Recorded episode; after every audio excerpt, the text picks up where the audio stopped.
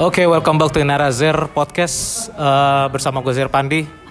Eh, episode terbaru ini gue akhirnya udah sekian lama gue episode eh, ngomong sendiri berapa episode. Akhirnya gue punya teman bincang lagi nih untuk episode terbaru epis- episode kedua di tahun 2020.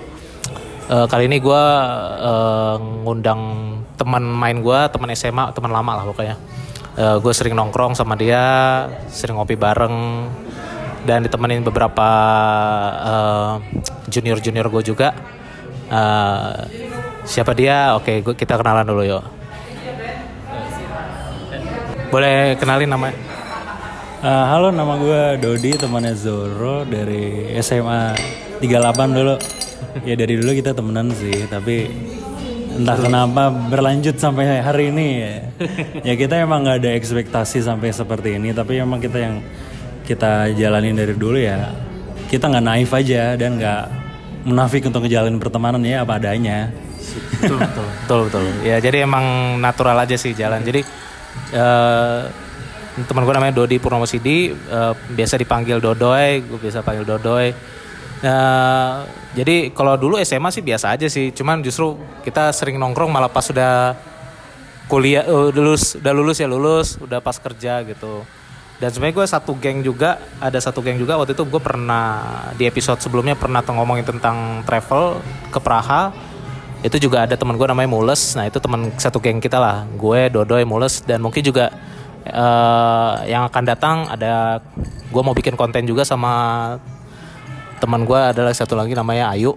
Nah itu juga teman satu geng juga lah sama Dodoy Mules gitu nah kalau kali ini sih gue lebih ke random random talk aja lah. Nggak usah banyak talk nggak nggak perlu banyak talk topik-topik yang spe- spesifik gitu.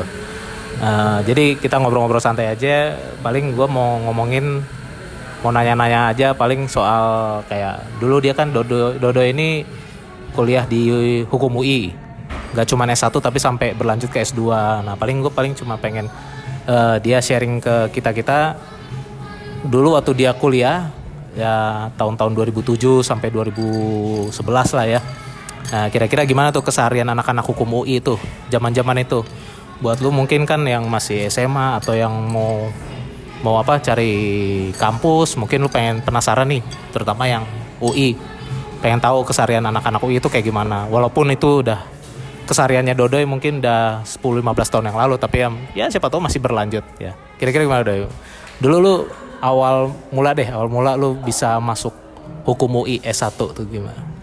Ya gue masuk UI hukum UI S1 sih lewat SPMB dan itu juga hoki banget sih sebenarnya gue nggak ada persiapan apa-apa. Persiapan gue ada login di warnet. oh ada orang tua gue ya pasti itu. Terus sama ya nggak tahu gue beruntung aja sih. Padahal gue nggak ada persiapan bimbel suka bolos. Bimbel aja cabut sekolah cabut. Pokoknya kehidupan gue banyak di warnet lah. Kayak waktu gue aktivis warnet lah waktu masih SMA jadi gue sering main game online sampai pagi kalau weekend. Ya kalau weekdays sih paling gue main, main sampai pernah sih gue sampai itu anak sekolah terakhir yang pulang itu gue sampai tengah malam. Sampai ditanyain lu masih pakai seragam? Lu jam 12 malam. Itu warnet baru tuh Doy ada sih di, di, di Unas. Sekarang udah udah ganti nama. Dulu ada warnet di Unas. Dan owner sampai kenal sama gue jadi kalau gue cabut cabut sekolah main ke situ gue suka dikasih teh botol. Gimana gue nggak semangat? Iya gue makin mendalami gue apa mendalami permainan gue dengan baik gitu. Jadi you you are the boy with no plan ya. Gue gue bisa bilang gitu ya. Jadi lu juga kayak nikah pun juga sebenarnya hampir with no plan terus juga kuliah masuk UI S, S1 S2 juga kayak hampir with no plan juga ya. Jadi gimana tuh menarik? Karena kan orang-orang biasanya merencanakan segala sesuatu tuh. Bisa masuk UI ITB merencanakan pengen berusaha pengen kerja di Pertamina PLN atau pengen kerja apa. Nah kalau lu eh, ini kan berarti with no plan ya? Lu ke UI paling ya go with the flow aja. Karena orang tua lu bilang lu harus masuk PTN nih kalau lu mau kuliah gitu kan. Iya.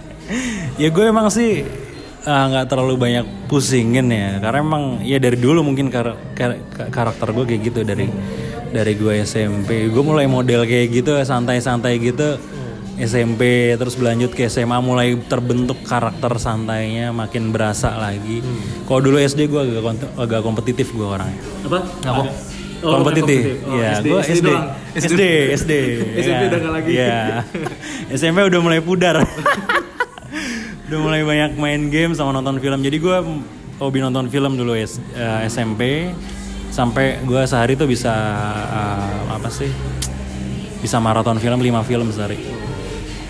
Dan itu film-film yang ditonton orang-orang zaman kuliah, zaman udah dewasa, tapi gue SMP udah nonton itu. Jadi kayak ya sekarang mungkin udah mulai bosen karena saking banyak film gue tonton. Kadang kadang tanpa sengaja nggak tahu ya itu memang karena kebiasaan atau memang karena terbentuk di guanya gue kadang dari lihat poster filmnya gue bisa tahu nih filmnya bakal jelek atau bagus atau cuma ngikutin pasar doang ngikutin maunya masyarakat doang gue kadang males diajak nonton kalau filmnya nggak ada value nya gue kan nonton superhero yang kemarin apa Avenger ya yang last game Avengers ya. Nah, itu gue gara-gara diminta sama klien gue, eh, klien, ya pokoknya gue disuruh nemenin ya. itu film lama ya, tiga jam ya. Zul? Iya, iya. jam. Tiga jam. Nah itu sekitar 45 menit gue tidur. Dan setelah itu gue masih bisa ngikutin ceritanya. Pokoknya pas ribut-ribut terakhir-terakhir itu yang epic itu gue masih bisa nonton lah. Karena gue gua nunggu itunya. Masa superhero kalah sih di filmnya? Udah dibikinin film lo kalah kan goblok. Jadi kalau yang kalah kan yang Infinity War, kalau yang ini kan yang menang kan yang Endgame ya. Lu yang nonton yang mana dulu?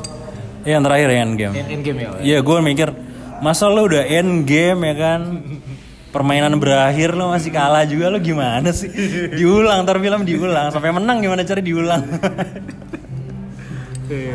Jadi eh hobi lu nonton ya. Cuman maksud lu yang kayak yang di SMP tuh kayak nonton VCD berarti ya bukan atau bioskop?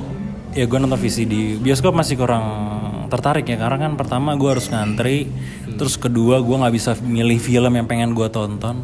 Ya dulu sih gue waktu SMP sih udah nonton film model-model Italian Job kayak gitu-gitu ya kalau nggak salah ya tahun itu. Yang berat-berat lah. Italian Job terus gue Mafia gue nonton Mafia tuh mulai di SMA gue nonton Godfather tuh SMA kelas 1 trilogi loh gitu. Godfather gue disuruh bokap gue besok sekolah nih di Metro TV diputerin tuh Godfather waktu itu. Udah tuh nontonin dulu katanya kata bokap gue kenapa emang? Udah bagus nih filmnya. Gila gue ngantuk-ngantuk film satu seri kan tiga jam dia tuh film. Nah pada akhirnya gue belan berlanjut tuh. Gue nonton film mafia yang lain. Gue pelajarin mafia itu kayak gimana sih pola pikirnya pola organisasinya gimana. Akhirnya gue seneng tuh sama mafia. Bukan berarti seneng gue pengen jadi mafia enggak. Tapi dari alur mereka antar anggota mafianya orga- organisasinya mereka bagaimana berpolitik kemudian bagaimana di balik layarnya mereka terhadap politik-politik negeri tersebut dari mafia kemudian ekonomi mereka gimana. Bahkan sampai waktu gue tahu apa pengaruh mafia oh, berapa persen pendapatan mafia dari gross domestic produknya Amerika gitu. Tahu gue sampai kayak gitu gue di sampai detail sejarah mafia keluarga yang berpengaruh waktu itu siapa. Ya seperti itu. Kemudian presiden yang minta tolong sama mafia buat dapat suara. Bahkan itu presiden yang dianggap pahlawan lagi. Dan orang-orang nggak banyak tahu ternyata dia minta tolong mafia. Presiden apa? Yang mana nih? ya ya orang udah meninggal sih. Ya kita doain aja. Dia dikubur banyak temennya ya laler-laler ya kan? Cacing. Itu waktu itu gue sempat nonton episode ya. Jadi ada salah satu keluarga mafia dimintain tolong sama John F. Kennedy. John F. Kennedy itu ketika dia kampanye itu dia minta tolong mafia. Mafia waktu itu ketika zamannya dia maju pilpres di Amerika mafia itu kayak punya pengaruh di serikat-serikat pekerja bayangin lo serikat pekerja di sana itu lebih lebih bi- lebih berjalan dengan baik dibanding Indonesia ya. Kalau di sana kan pengaruh serikat pekerja tuh tinggi banget. Jadi ketua serikat pekerja tuh bisa pengaruhin pekerjanya untuk milih siapa. Jadi lu kayak yang lu tinggal pegang serikat, serikat pekerja, lu dapat suara. Nah, di, itu kayak si Kennedy dengan bos-bos mafia itu kayak ada deal lah di situ di balik itu. Kemudian ada pengaruh juga di perang Teluk Babi di Kuba ya itu pengaruhnya macam-macam ada mafia segala macam itu ada pengaruhnya juga kemudian pemerintah Amerika pernah minta tolong uh, mafia terkait dengan apa perang dunia kedua untuk ngadepin Italia. Nah itu nggak banyak cerita kayak gitu beredar di buku-buku sejarah tapi itu yang terjadi sih. Dan itu mafianya kasihan juga habis itu diburu. Lu dimintain tolong ya kan, habis itu lu dikerjain. Lu diada-adain masalahnya ya, begitulah. Kadang kita sama politik harus skeptis, kita harus bisa berimbang cara berpikirnya itu kenapa gue banyak belajar dari film-film mafia atau sejarah-sejarah mafia dari kayak gitu. Kadang orang minta tolong sekarang besok bisa jadi musuh atau besok ternyata yang lu tolongin itu atau yang lu minta tolongin ternyata yang ngebunuh lu. Bisa gitu banyak yang kayak gitu. Itu sih. Tapi kalau sudut pandang lo yang kayak kritis terus yang melihat segala sesuatu tuh yang out of the box itu emang lu belajarin sendiri atau memang itu mulai terasa tuh pas lu kuliah hukum UI atau gimana? enggak sih itu memang karena kebentuk gue dari SD SD. itu pola pikir SD jadi gue pernah dulu gue inget gue pernah inget banget tuh jadi kan dulu SD itu ada namanya LKS ya Oh iya, iya, lembar kerja siswa. Lembaga kerja siswa ya itu. Dan waktu itu gue inget banget sekelas ada berapa puluh orang. ya. Dan teman gue tuh nyontek sama gue jawabannya. Nah, gue itu bisa mempertahankan jawaban gue. Gue dan teman gue yang yang yang pasti otomatis teman gue nyontek sama gue waktu itu. Ngelawan guru gue dan sisanya selain gue dan teman gue artinya waktu itu kalau nggak salah ya gue lawan popu lawan mayoritas lah di sekolah. Gue ngelawan guru gue lawan kunci jawaban lawan teman-teman gue Mata pelajaran apa tuh? gue waktu itu IPS tapi waktu itu konteksnya sejarah. Oh. jadi gue gue berpikir out of, out of the box uh, di luar kotak itu um, waktu itu gue menganggap jawaban di LKS itu salah. Jawaban di kunci jawaban LKS itu salah. Termasuk jawaban guru gue kenapa begitu? Karena gue bisa nunjukin di buku yang jadi pegangan kita semua itu ada jawaban yang bisa mendukung jawaban gue padahal gue yakin itu salah. Jawaban gue gue akuin sampai sekarang itu jawaban gue salah. Tapi gue demi kepentingan gengsi gue sama temen gue dan nilai gue bisa membalikan itu jadi benar Anjir. Anjir. Tapi sebenarnya sebenarnya itu sebenarnya salah. Iya, itu emang lu masih ingat? Lu masih ingat itu pertanyaan dan jawabannya apa? gue masih inget jadi in- eh, persis secara kata per katanya gue lupa tapi Tentang apa tuh? sejarah Indonesia jadi waktu itu kaum muda kaum muda yang berpengaruh terhadap Soekarno waktu itu kan jawaban di kunci jawaban guru gua dan teman-teman gue yang lain adalah Sultan Syahrir. Oh, sudah cari ya. kunci jawabannya juga kayak gitu. Terus gue jawabnya Wikana. Wikana. ah. Wikana tuh siapa ya? Wikana waktu itu masuk golongan muda juga sih waktu kita mempersiapkan uh, kemerdekaan ya proklamasi. Itu masuk golongan muda. Jadi kan waktu proklam sebelum proklamasi dan persiapan itu ada golongan muda golongan tua golongan tua kan ada Soekarno Hatta Mas Subadi kayak gitu gitulah Golongan muda kan yang pengen cepet-cepet Ya, Indonesia lu- merdeka. Lu buruan, buruan lu kayak gini aja lama kayak gitu kan. Iya, Kayak palingan lu gimana sih lu masih muda kan pengennya nggak sabaran gitu. Nah, itulah golongan muda yang itu ya. Gua karena melihat golongan muda termasuk di antaranya Wikana, gue mempertahankan Wikana itu sebagai sebagai jawaban waktu itu. Padahal kan waktu itu kerjaan Sultan Syahrir tapi gue entah kenapa bisa membalikan itu. Gue dasarnya dari buku pegangan kita dan akhirnya seluruh kelas menerima itu kunci jawaban dikalahin dan guru gue menerima itu. Apa? Dan guru gue menerima itu Oh, jawaban gue. menerima. Oh, menerima. politik udah main politik deh SD. Dan ketika mulai SMP gue mulai banyak bacaan ya bokap gue ngasih banyak bacaan sejarah-sejarah dan gue seneng ternyata untuk hal-hal yang kayak gitu.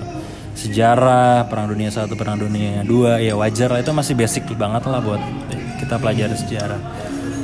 Habis itu berla terus kemudian gue suka nonton film. Kan film ada yang kisah nyata ada yang fiksi. Nah yang kisah nyata gue coba pelajari nih alur alur kehidupan tuh seperti apa sih?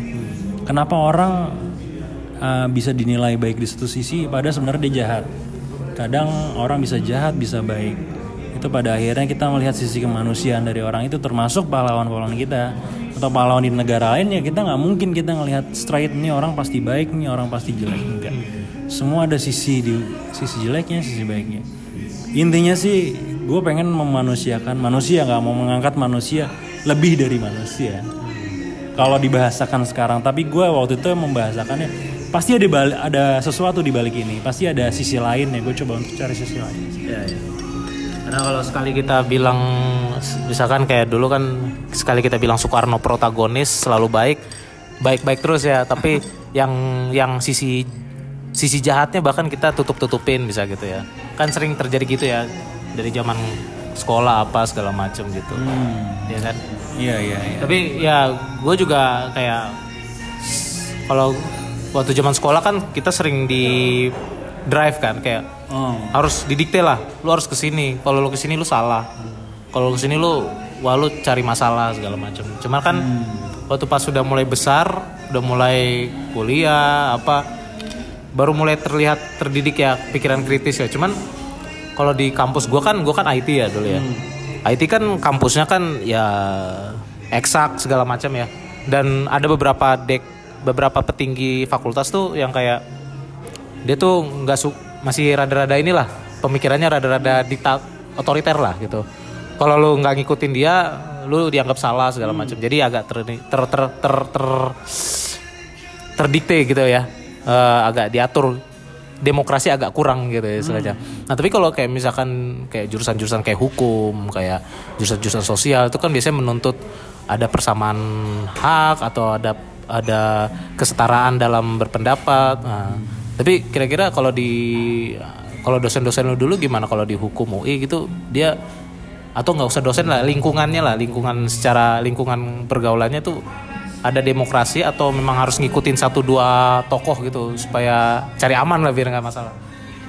Enggak sih kalau di kampus gue tuh kalau lulusan hukum atau anak hukum lah gampangnya ya. Itu dua lawyers kita ang- anggap aja anak hukum tuh lawyers. Iya, ya. Eh, lawyer lawyer. Dua ahli hukum tuh bisa muncul tiga pendapat, pendapatnya dia, pendapat lawannya, sama pendapat bersama. Artinya kita bisa menemukan kesimpulan yang sama, bisa juga berbeda pendapat. Enggak di hukum sendiri juga banyak beda pendapat, bah- bahkan sesama teman sahabat itu bisa saling beda pendapat terhadap sesuatu hal mengenai hukum. Tapi gue sendiri sih sebenarnya jujur ya gue kurang begitu eh, apa sih kurang begitu. Gue nggak mera- gue merasa gue sadari diri gue bukan anak hukum banget lah.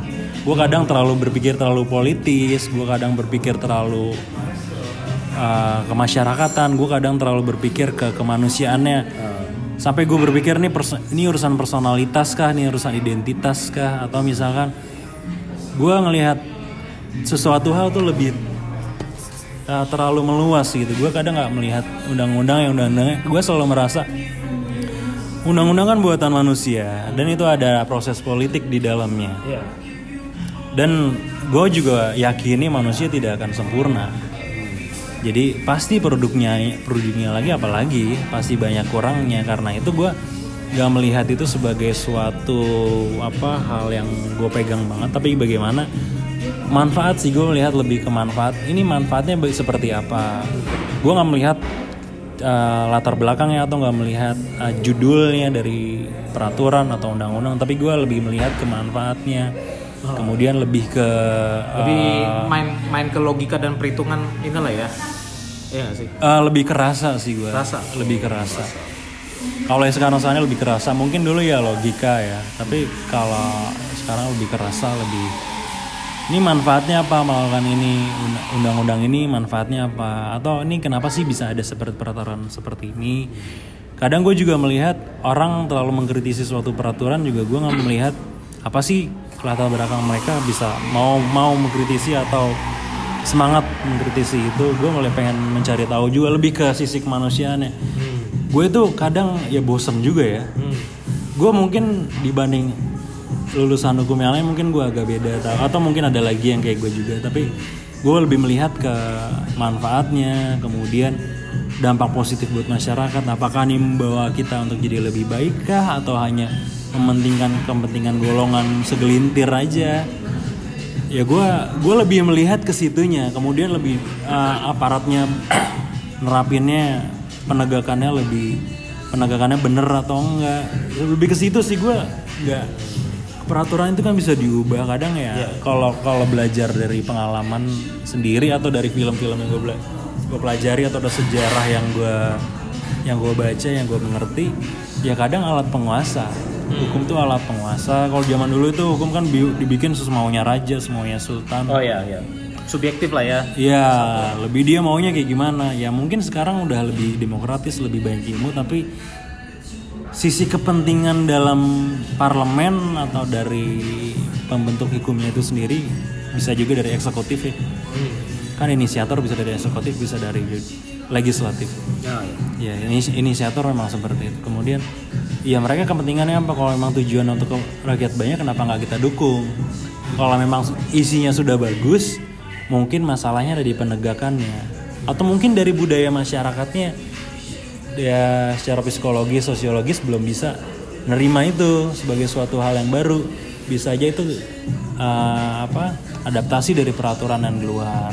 Kemudian sementara kita di sini punya nilai-nilai sendiri. Jadi gue lebih melihat ke manfaatnya sih aja sih kalau niat baik orang ya gue akan selalu hargai sih tapi kalau misalkan gak ada manfaatnya kadang niat baik itu kan niat baik politisi namanya Iya betul betul. Tapi emang ya apalagi juga kan lu juga tadi pas kita ngobrol uh, off the record juga kan lu juga sempat bilang ya sebenarnya gue juga milih hukum juga bukan minat gue gitu kan. Ya karena keadaan karena you are the man with no plan ya go with the flow terus lu milih hukum keterima gitu kan. Tapi ya lu nikmatin aja kan lu ambil lu ambil apa ilmunya hukum kayak gimana tapi lu juga tetap kombinasiin dengan critical thinking lu kombinasiin dengan filosofi filosofi dan prinsip hidup lu juga kan gitu kan. Jadi makanya lu masuk hukum dengan rasa dan uh, asas manfaat gitu kan. Nah, terus ini juga kan ngomongin soal hukum kan kemarin kan yang tahun lalu kan yang lumayan marak kan juga kayak soal pro kontra RKUHP, undang-undang KPK, eh, undang-undang pertanahan, undang-undang apalah minerba, undang-undang KPK. Nah juga kan protes mahasiswa. Kan katanya yang tahun kemarin tuh kan 2019 demo mahasiswa terbesar kedua setelah eh demo mahasiswa terbesar setelah Mei 98 dan kebetulan gue ada dua junior gue juga nih di sini. Eh, satu masih SMA namanya siapa? Nama nama lu siapa? April Lembangal. April dan juga ada nih mahasiswa yang waktu itu salah satu mahasiswa yang turun juga nih pas demo nih. Eh, mahasiswa masih semester 2 ya. Eh, namanya siapa Mario bang Mario siapa nih Mario Simanjuntak Oke, Mario Simanjuntak. Nah, tadi juga kita udah sempat off the record juga sempat ngobrolin soal demo juga. Nah, terus gue sebenarnya ini doi, gue juga sebenarnya eh, waktu pas eh, tahun lalu gue pengen banget ngomongin tentang RKUHP, undang-undang pertanahan dan segala macam ya. Tapi karena gue sadar gue bukan gue nggak kompeten di bidang hukum, gue cuma tahu kulit kulitnya doang. Jadi gue nggak berani bikin episode itu tanpa ada orang orang-orang yang tahu basic hukum atau ilmu hukum lah gitu. Nah tapi lu juga kan ngomongin tentang kita juga tadi sempat ngomongin substansi. Sebenarnya mahasiswa yang turun itu juga sebenarnya nggak benar-benar ngerti apa yang mereka demoin gitu kadang-kadang kan karena mereka nggak baca secara penuh draft RKUHP dan apa segala macam. Nah tapi kalau pandang lu gimana waktu pas yang lu tadi kita omongin itu menurut lu gimana? Seharusnya mahasiswa tuh kayak gimana ketika pas demo itu eh substansinya seharusnya bagaimana tuh dalam menghadapi begitu banyak undang-undang yang lagi dibikin yang baru itu kan? Sampai mereka nggak nggak bahkan undang-undang KPK yang langsung disahkan aja tuh sampai eh bukan bukan jadi prioritas utama juga waktu pas di itu kan? Nah gimana? Ya kalau gue sih melihat gini ya. gue melihat apa pun undang-undangnya, apa pun peraturannya, selama itu bermanfaat ya coba kita dukung. Cuma kan mahasiswa, eh, mahasiswa ini kan menyuarakan ya ada potensi ketidakbermanfaatan ke depan dari produk undang-undang yang dibuat, dari yang produk undang-undang yang disahkan. Ya gue sih dukung aja, artinya setiap orang kan punya pandangan masing-masing. Setiap orang punya namanya cara pandang, sudut pandang, sisi pandang. Jadi bisa aja dari apa yang dia lihat dengan yang kita lihat itu berbeda ya wajar. Itu sebenarnya kita harus saling menghargai ya sama masyarakat gitu dan kita juga harus saling toleransi dimulai dari situ dari hal-hal yang kecil aja. Nah, kalau dari kalau menurut gue sih em, sepanjang itu belum disahkan itu kan belum mengik belum berlaku ya. Artinya belum bisa diterapkan di masyarakat lah gampangnya.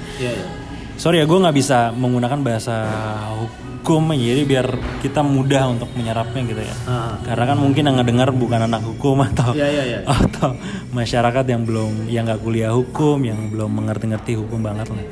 Ya ibaratnya kalau belum disahin itu belum bisa berlaku ya nggak masalah kita masih bisa protes. Tapi jalurnya mana? Mungkin kita dengan aspirasi mahasiswa.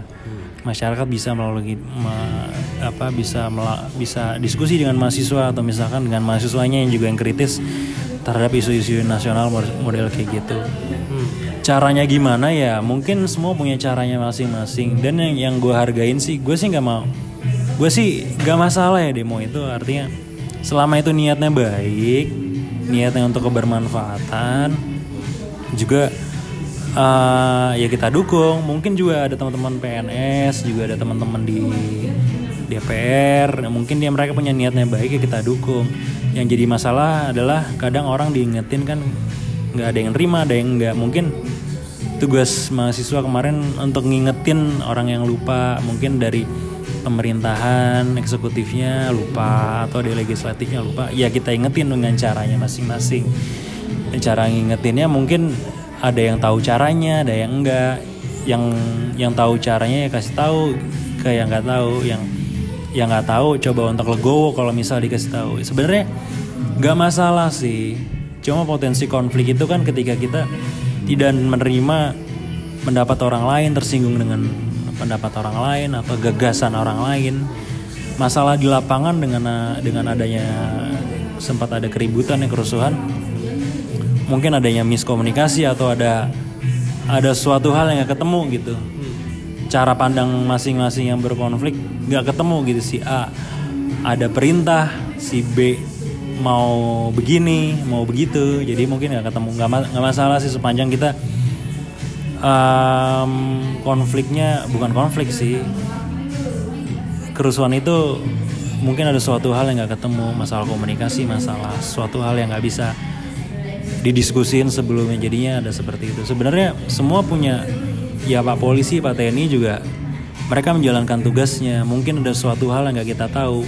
Termasuk juga mereka nggak tahu apa yang apa yang teman-teman mahasiswa coba untuk sampaikan. Kan komunikasi mereka kan terbatas. Pasti kan mungkin terbatas. Jadi coba kita maklumi aja kita yang nggak ikut demo nggak ikut terus coba untuk jangan jangan manas-manasin coba untuk ademin kita terlalu banyak konflik kita se- sudah sering dipecah belah untuk berbagai macam isu tapi jangan sampai kita eh, menghilangkan persaudaraan kekeluargaan di antara kita dari kemudian selek sama temen. Untuk masalah masalah hal-hal yang sebenarnya itu bukan masalah kehidupan itu kan masalah penghidupan aja itu sih Nice, nice, nice. Bener sih. Jadi ya sebenarnya kalau bisa diomongin baik-baik ya kenapa harus ribut ya, gitu ya. Nah, terus sebenarnya gue juga penasaran nih, apakah memang kalau DPR bikin undang-undang, DPR bikin rancangan undang-undang atau pra- pemerintah bikin peraturan ya. Itu kalau misalkan ada hal pasal-pasal, ini kan sebenarnya kan ada yang kadang ada yang transparan, ada yang enggak. Ada yang di dipublikasikan di internet, ada juga yang tidak gitu kan. Tapi misalkan nih eh, yang cara yang paling efektif itu apakah memang harus turun ke jalan demo atau sebenarnya lewat di misalkan perwakilan mahasiswa atau perwakilan siapa pun datang ke kantor DPR ngobrol protes dengan pasal ini ayat ini pasalnya ini harus direvisi dan segala macam Eh, tanpa ada sorotan media sebenarnya itu efektif gak sih? Eh, ada revisi efektif gak sih itu diperbaikin segala macam? Karena kan yang gue tahu kan emang banyak orang juga bilang RKUHP ini yang baru ini sebenarnya banyak yang bagusnya. Tapi memang ada beberapa pasal yang nyeleneh atau beberapa pasal yang memang nggak lengkap. Kayak misalkan yang soal ngomongin ayam masuk ke pekarangan kita itu mungkin kepake di kampung tapi nggak kepake di kota. Nah ini gimana cara cara bikin ini jadi fleksibel, dinamis, tapi ya pokoknya gitulah. Tapi apakah eh, DPR ini sebenarnya atau siapa pun itu sebenarnya kita harus apa harus kita harus demo gitu untuk untuk bisa mereka mau mendengar masyarakat untuk ini diperbaikin atau direvisi. Kayak lu juga kan dulu sempat demo juga waktu zaman SBY gitu. Apa ha- memang harus begitu? SBY sama Jokowi kan emang agak beda ya stylenya ya. Style pemerintahnya juga beda. Gimana? Oke gini aja ya, secara umum aja. Tiap orang itu punya caranya masing-masing untuk menyampaikan pendapat.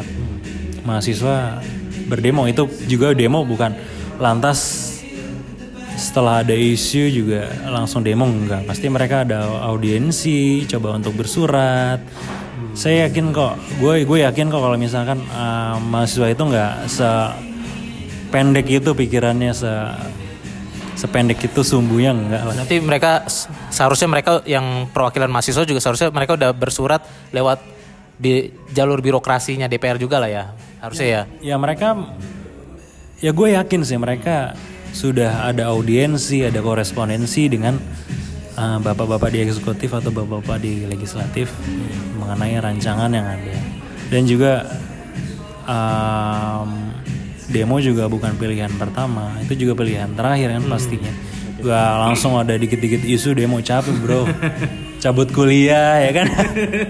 Gara-gara demo cabut kuliah, bagus kayak yang kemarin isu besar itu diizinin sama dosen sama rektor.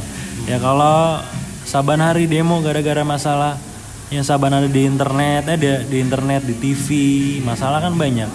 Yang enggak lah kita ya gue sih dukung aja. Tapi di lain itu kan ada juga misalkan peran-peran dari LSM atau dari orang-orang yang peduli lah atau dari LBH yang uh, melakukan judicial review di Mahkamah Konstitusi. Bisa dengan cara itu kalau misalkan merasa dirugikan oleh undang- undang-undangnya atau merasa gue nggak setuju nih dengan undang-undang ini gimana caranya ya kalau bahasa yang digunakan seperti itu. Kadang juga gue menyesalkan ya orang hukum tuh terlalu menggunakan bahasa yang terlalu tinggi. Oh, apa tuh?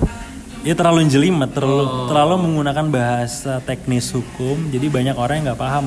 Oh, atau ini ngomong pas di media gitu-gitu ya? ya ngomong di media berdiskusi dengan masyarakat luas.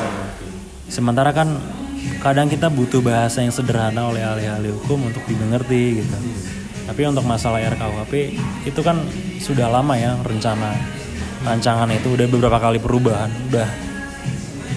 Ya udah lama banget lah sebenarnya kita udah puluhan tahun kita punya sudah punya rencana untuk mengganti KUHP peninggalan. Peninggalan Belanda. ya kit ya gue sih secara pribadi ya sih dukung aja. Cuma kadang ada beberapa hal yang nggak kita tahu. Ya kita sebenarnya apalagi buat mahasiswa ya coba pelajarin draftnya. Atau mungkin um, sudah dipelajari draft dan pada akhir perlu demo ya nggak ma- nggak masalah juga. Tapi yang yang pasti sih banyak juga di media yang beredar itu isu-isu nggak benar apa sesuatu hal yang nggak benar. Jadi kita, kita kadang perlu cek langsung juga. Kadang kita juga sering di dibohongin sama media itu sih masalahnya. Masalah masalah besar sih menurut gue kita terlalu berpatokan sama media itulah kenapa dalam penelitian itu sumber dari media itu bukan yang primer Oh gitu. Oh iya, iya. benar benar benar benar. Yang primer itu jurnal biasanya. Iya jurnal-jurnal ilmiah ya kan Ah, iya, benar, benar. Nice. Oke silakan minum dulu. Nah kalau dari Mario sendiri ada komentar nggak soal yang kemarin tuh? Mungkin ada yang mau diceritain atau mau ditanyain ke Bang Dodoy? Gue paling pengen nanya gini nih bang. Kan polisi kan kemarin tau sendiri lah bang ya chaosnya gimana. Itu kan kita mahasiswa kan warga sipil bang ya. Nah itu kenapa sih bang kita dipojokin banget sama polisi sampai kita udah di stasiun Palmera itu udah tengah malam dan banyak warga sipil lain yang bukan mahasiswa tetap ditembakin gas air mata gitu bang. Apakah itu nggak nyalain aturan bang? Posisinya udah larut malam sekali itu padahal bang. Oh gitu ya. Oke pertama ini gue menjawab dari sisi personal gue ya. Personal view. Oke. Karena kan gue pertama bukan anggota, yang kedua juga apa? Gue tidak ada di lapangan, jadi gue hanya mendengar-dengar saja, lihat di media. Kemudian ada beberapa teman gue yang ada di lapangan, gue juga coba tanyain kemarin. Kemudian eh, gue bukan yang memegang wewenang atau yang berkaitan dengan wewenang tersebut. Jadi gue menurut gue ini personal view, jadi hanya personal aja. Kita rakyat biasa lah ya. Se, se- dengan dengan sumber yang terbatas. Ya gue kan cuma rontokan kue doang. Mario sebagai salah satu korban ya, korban di lapangan. Korlap ya waktu itu ya. Iya. Oh, korlap ya. Ah. ya kalau menurut gue sih itu ada sesuatu hal misalkan peraturan internal dari polisi atau dari TNI yang nggak kita nggak kita tahu itu yang kita harus coba untuk berpikir wise ya tapi tapi kan yang namanya situasi yang iya panas apalagi juga mungkin ada ada perintah yang nggak dijalankan atau ada oknum yang ingin menjatuhkan bisa juga atau juga misalkan um, ada provokator dari sisi yang pendemo juga. Pada akhirnya kita nggak tahu situasi lapangan tuh seperti apa bisa aja ada provokator biar si pendemo ini jadi seolah-olah jadi pemicunya. Padahal padahal nggak seperti itu. Kemudian bisa juga ada oknum. Yang gimana caranya ternyata menjelekan instansi polisi instansi TNI jadi banyak kemungkinan. Jadi kita nggak bisa menutup dalam kotak tertentu nggak bisa. Karena pertama gini berita yang dari media. Kadang wartawan juga cuma denger tulis dia cuma denger tulis doang dia tidak mengamati. Jadi cuma denger dia tulis terus orang banyak retweet banyak posting share share share. Pada akhirnya nggak datang ikut ikutan panas ikut ikutan uh, iya ngomporin di sosmed. Apalagi kan sekarang apa apa sos oh, sosmed. Apa dikit dikit hashtag dikit dikit hashtag ya kan? Pada akhirnya gue bingung nih orang sebenarnya sekolah tinggi gak sih? Dikit-dikit patokan ke hashtag temen gue sarjana hukum patokannya hashtag lah. Ngapain lo main hashtag? Percuma sekolah tinggi-tinggi kalau ukuran benar atau salah dari hashtag. Buat apa lu bikin skripsi tugas akhir untuk men- kemudian lu ikut ujian dapat A mata kuliahnya. Kalau pada akhirnya lu berpatokan ke hashtag. Yang jadi masalah sekarang kita itu terjebak dengan um, dengan media di media massa media sosial yang sebenarnya kita harus berhati-hati ya. Karena berhati-hati kadang kita bisa bisa aja karena suatu hal yang di diangkat oleh media sosial media massa kita menjadi panas kita menjadi tidak logis lagi kita menjadi nggak tenang lagi kita jadi sumbu pendek untuk menghadapi suatu isu. Pada akhirnya kita mudah untuk menilai suatu hal benar salah enggak enggak Terlalu reaktif ya. Orang-orang sekarang terlalu reaktif. Ya. Iya terlalu reaktif. Pada akhirnya gue malas sendiri. Gue pribadi jadi malas sendiri. Pada akhirnya ini orang logikanya ditaruh ke mana? Kok gampang banget marah? Gampang banget. Gampang banget tersinggung. Kayaknya orang Indonesia dulu nggak kayak gini. Yang gue rasa asik Tahun berapa tuh Daing? kita kan punya nilai-nilai luhur Zor. Dari leluhur kita dari pendahulu-pendahulu kita pasti ada nilai luhur. Tapi sekarang kita banyak ter pergeseran ya dengan adanya gampang marah itu gampang ikut-ikutan gampang gam- gampang ikut tren. Nah itu berbahaya sih menurut gue menurut pribadi menurut pribadi gue ngikutin tren itu sangat berbahaya. Tren itu ngelawan pola. Jadi kalau kita ajak sama suatu kegiatan yang baik kegiatan yang sering atau kegiatan yang kegiatan yang apa sih? Yang seperti itu lah Rutin, rutin. Rutinitas itu namanya pola.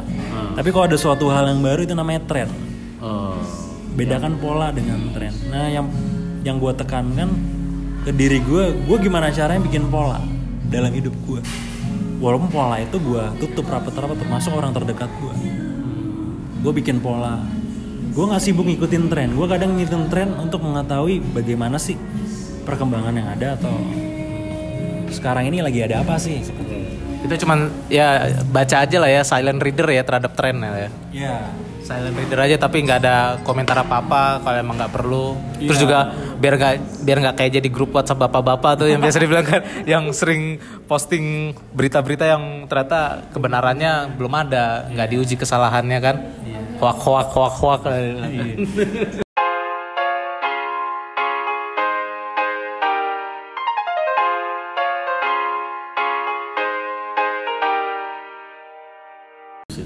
Nice nice, thank you. Ini kayaknya udah lumayan banyak lah yang kita omongin ya soal hukum, penegakan hukum, rasa dari kemanusiaan untuk hukum gitu ya. Terus juga ya hal-hal yang inilah yang ada kaitannya sama politik yang berpengaruh ke masyarakat. Nah ini mungkin topik yang kita omongin tadi tuh lumayan ya lumayan berat lah ada filosofinya ada prinsipnya nah kita coba sedikit agak ringan lah jadi kan gini doi ya gue kan juga pengen tahu nih cerita-cerita Dodo juga soal eh, Dodi kan juga eh, tahun 2017 ya akhir 2017 ya, Desember nikah ya. Nikah. Nah ini mungkin yang pendengar yang senang hal-hal percintaan ya mungkin pengen tahu juga nih. Ini ah malam Jumat oke nanti. Mudah-mudahan kalau ada waktu eh kalau ada waktunya cukup ya kalau ini kafenya belum ditutup eh, kita omongin. Tapi gue mau ngomongin dulu nih ini soal percintaan nih soal percintaan dulu nih. Tenang aja nanti ada porsinya kalau itu.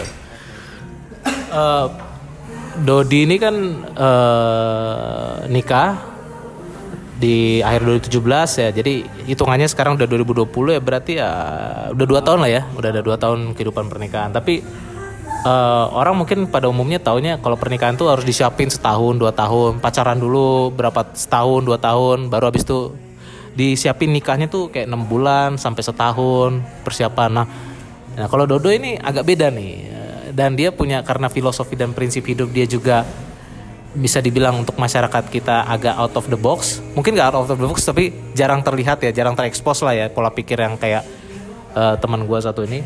Nah kalau lu, lu boleh cerita nggak Doi sekilas atau ya kurang lebih lah garis besarnya ketika lu menikah dengan istri lu sekarang persiapannya kayak gimana? Ceritanya gitulah. Kira-kira yang yang bikin gua waktu itu pas lu cerita itu pas berapa minggu lalu atau ya udah agak lama lu juga cerita kan gua juga agak agak kaget juga sih kayak wah ini beda nih nggak jarang jarang ada yang kayak gini nih gitu. Coba coba. Atau mungkin dikasih tahu, bisa dikasih tahu dulu teknik PDKT-nya gimana? oh PDKT oh ini nih anak SMA pengen tahu PDKT nih gimana. Ya ya oke Pertama yakinin dulu gini, kita harus yakin kalau Tuhan itu men- sudah menentukan jodoh kita. Pertama, pertama gitu loh, itu harus lo harus pegangan itu dulu. Kalau lo nggak yakin itu lo, ntar lo udah ditulis jodoh lo, lo banyakan ngeluh ya kan, cincang cincang cincang cincang. Dihapus ya? Dihapus pakai penghapus Stadler. penghapus Stadler Enggak sebenarnya nggak perlu takut kalau jodoh sama jodoh kita, jodoh itu udah ada. Cuma masalahnya kita ketemu kematian duluan atau enggak nih? Kadang kan ada orang yang ada yang mati duluan keburu dibanding nikah, ada juga yang menikah dulu kemudian ada yang mati kemudian.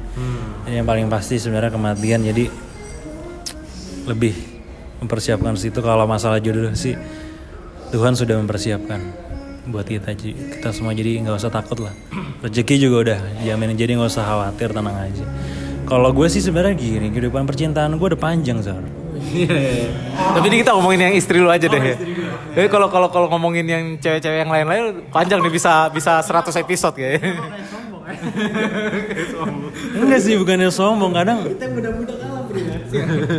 enggak bukannya sombong tapi gue juga pengen ya gue karena ditanya Zoro gini ya nggak ada salahnya berbagi artinya biar ceritanya itu nggak puzzle-nya itu lebih lengkap ya bukan berarti lengkap tapi lebih lengkap. Jadi bisa aja gue hanya bisa dari 100% cerita gue hanya ngasih uh, 50% tapi kalau nggak gue ceritain cum- jadinya cuma 10% akhirnya orang hanya melihat oh cuma begini doang ya. Atau misalkan em, kalau lihat kursi kaki empat oh kok kursi kakinya cuma satu gitu? Artinya orang tidak melihat gambaran besarnya tapi sudah menilai dari apa yang gue paparkan atau dari selam atau yang atau nggak cukup juga waktunya nanti juga. Atau ya selama ini orang lihat ya hanya sebagian kecil aja. Bahwa di balik itu banyak banyak cerita banyak latar belakang banyak pertimbangan. Dan juga gua nggak update di jarang update di media sosial kan. Oh iya iya. jadinya banyak orang yang kaget sama cerita gue banyak orang yang nggak nyangka ya karena gua nggak dikit-dikit update sih. Itu sih. Jadi orang ya nggak nggak nggak bisa disalahin juga. Kadang orang melihat kabar atau atau meng- mengetahui kabar orang dari postingan. Sementara gua kalau ditanya lo kok nggak ada kabarnya sih? Oh jadi lo nunggu kabar gue dari postingan gitu. Kenapa lo nggak nanya kabar gue Eh, langsung. Iya, kenapa lu nggak menanyakan cerita itu ke gue? Jadi c- dengar cerita dari orang lain.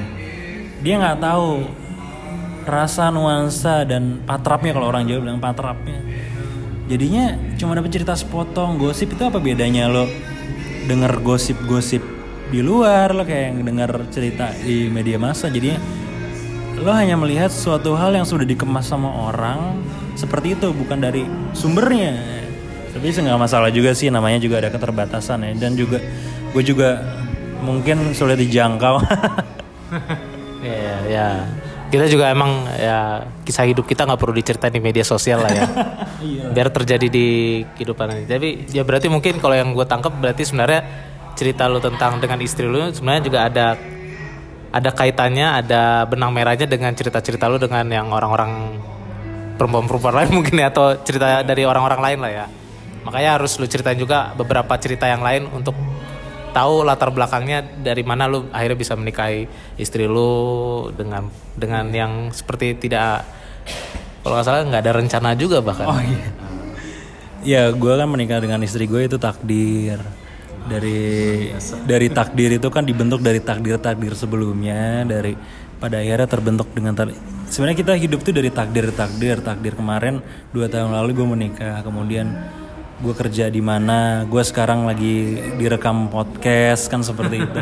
Ini takdir gue juga nih. Nanti gue nggak tahu ke depan takdir seperti itu. Kita dari hidup dari takdir ke takdir Tuhan yang sebenarnya sudah diatur seperti itu dan kita tinggal ngejalanin dan gue juga ya kayak kalau kayak lo bilang ya mungkin karena cerita gue ya yang lalu-lalu karena lo udah ju- sering juga dengar cerita gue kalau ditanya juga kayak gitu ya gue sebenarnya nggak banyak rencana sih kalau masalah menikah itu kemarin sama bini gue gue kenal sama bini gue tuh tahun 2014 Oh, udah lama kenal ya rupanya. iya cuma waktu itu cuma temenan aja sih Iya, iya. 2004 kenalnya tuh 2014 Mei 2014 cuma dikenalin nih dikenalin sama teman gue ya kayak dijodohin sama dia cuma karena waktu gue pengen sendiri aja dulu dan gue waktu itu ngarepin sama yang lain sih Oh iya iya iya iya. iya. gue gue ngarepin sama orang dan ternyata dia waktu malah memilih cowok lain akhirnya ya udah. Dan juga waktu itu gue sempat S2 ya gue lanjut S2 mungkin gue juga pengen bebas dulu pengen selain gue nungguin orang yang pada akhirnya jadian sama orang lain terus juga apa gue kuliah S2 dan juga di sisi lain ya udah akhirnya karena yang gue yang gue suka itu ternyata sama orang lain ya udah gue jomblo dulu lah lagi nggak mau ngeliat yang cewek lain ya. Ya, gue juga pengen menikmati diri sendiri, mengenali mengenali kehidupan, kemudian em, coba untuk melakukan sesuatu yang bermanfaat lah buat orang lain lah. Oh, waktu itu S2-nya 2014 ya? Iya, mau gue mulai 2014. Terus kemudian kalau kalau misalkan langsung loncat ke ke nikah sih sebenarnya gue waktu itu nikah Desember 2017. Gue mau ada keinginan untuk nikah atau ada dorongan untuk menikah tuh baru Maret 2017. Dalam nggak tahu aja muncul tahu-tahu tiba-tiba aja gini. Aduh, itu tapi itu udah pacaran sama yang istri lo sekarang Maret 2017. Belum, belum gue tuh masih masih sering jalan sama Yang lain. Bisa sekarang jalan sama cewek A, besok weekend sama cewek yang mana, ya kayak gitu lah model. Paham, paham, paham, paham, paham. Masih model kayak begitu lah. Enggak cuma temenan, cuma deket tapi. Iya. Ya, ya, ya. gue juga sering jalan sama cewek, tapi gue anggap itu te- teman aja, teman aja. TTM, Heeh. temen tapi menonton. Menonton, ya, teman tapi menonton, teman tapi atau teten teman tapi nongkrong ya kan. Atau TTMB, ya. Apa tuh? Teman tapi makan bareng. makan bareng. Siap. Oke, oke. Jadi, oh tapi emang kayak dari pribadi, aduh kayaknya gue pengen nikah nih dari pas Maret 2017. saya. Cuma kayak nggak tahu aja muncul dorongan untuk nikah waktu waktu itu Maret.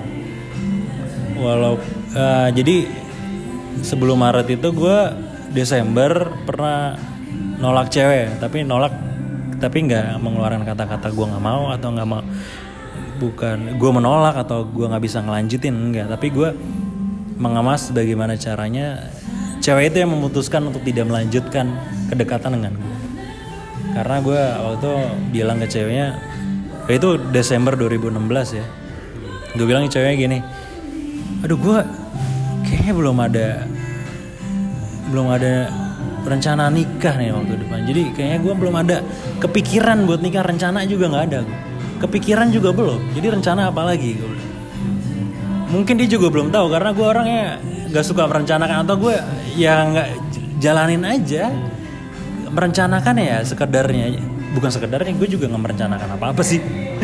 Kemudian akhirnya dia mungkin mundur ah nih orang kayaknya nggak ada nggak serius nih nggak nggak bakal nikahin gue nih. Kayak mungkin kayak gitu. Akhirnya kita bisa dia sama nggak tahu ya. Ya kita nggak kontak-kontakan lagi. Habis itu ya udah habis setelah itu gue deket sama teman gue sempat sama teman gue yang lain juga. Beberapa lah gue sih terbuka aja karena waktu itu belum ada komitmen. Jadi orang yang mau mendekat ke gue atau yang pengen komunikasi gue ya bebas-bebas aja sih.